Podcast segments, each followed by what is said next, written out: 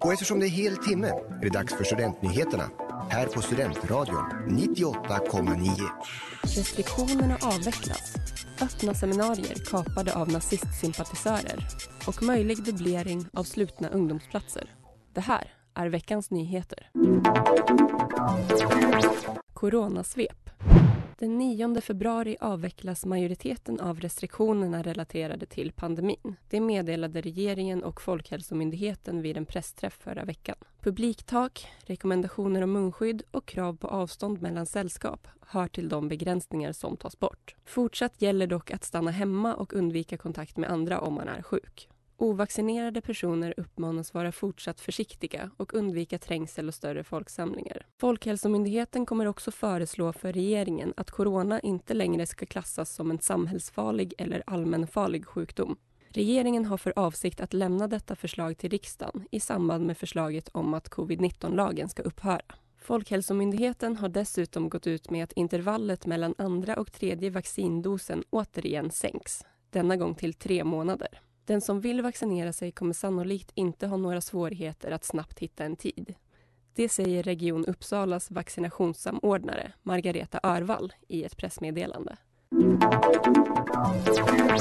Öppna seminarier på Uppsala universitet har vid flera tillfällen blivit kapade av nazisympatisörer som skrivit nedlåtande kommentarer samt delat pornografi och hakkors.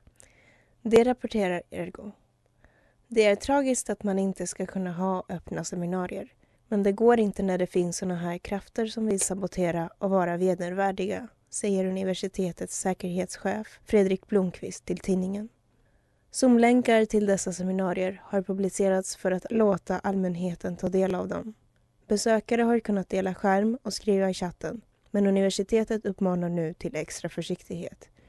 Vid framtida öppna seminarier bör därför chattfunktionen och möjligheten att dela skärm strykas för besökare.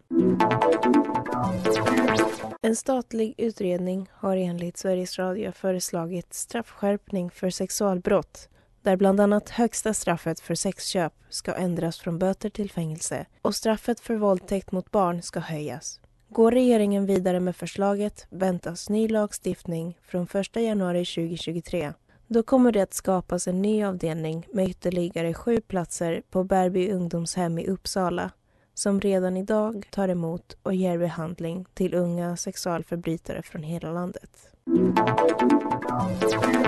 Du har lyssnat på nyheterna i Studentradion 98,9 med mig Jessica Fernandez och mig, Amanda Jansson.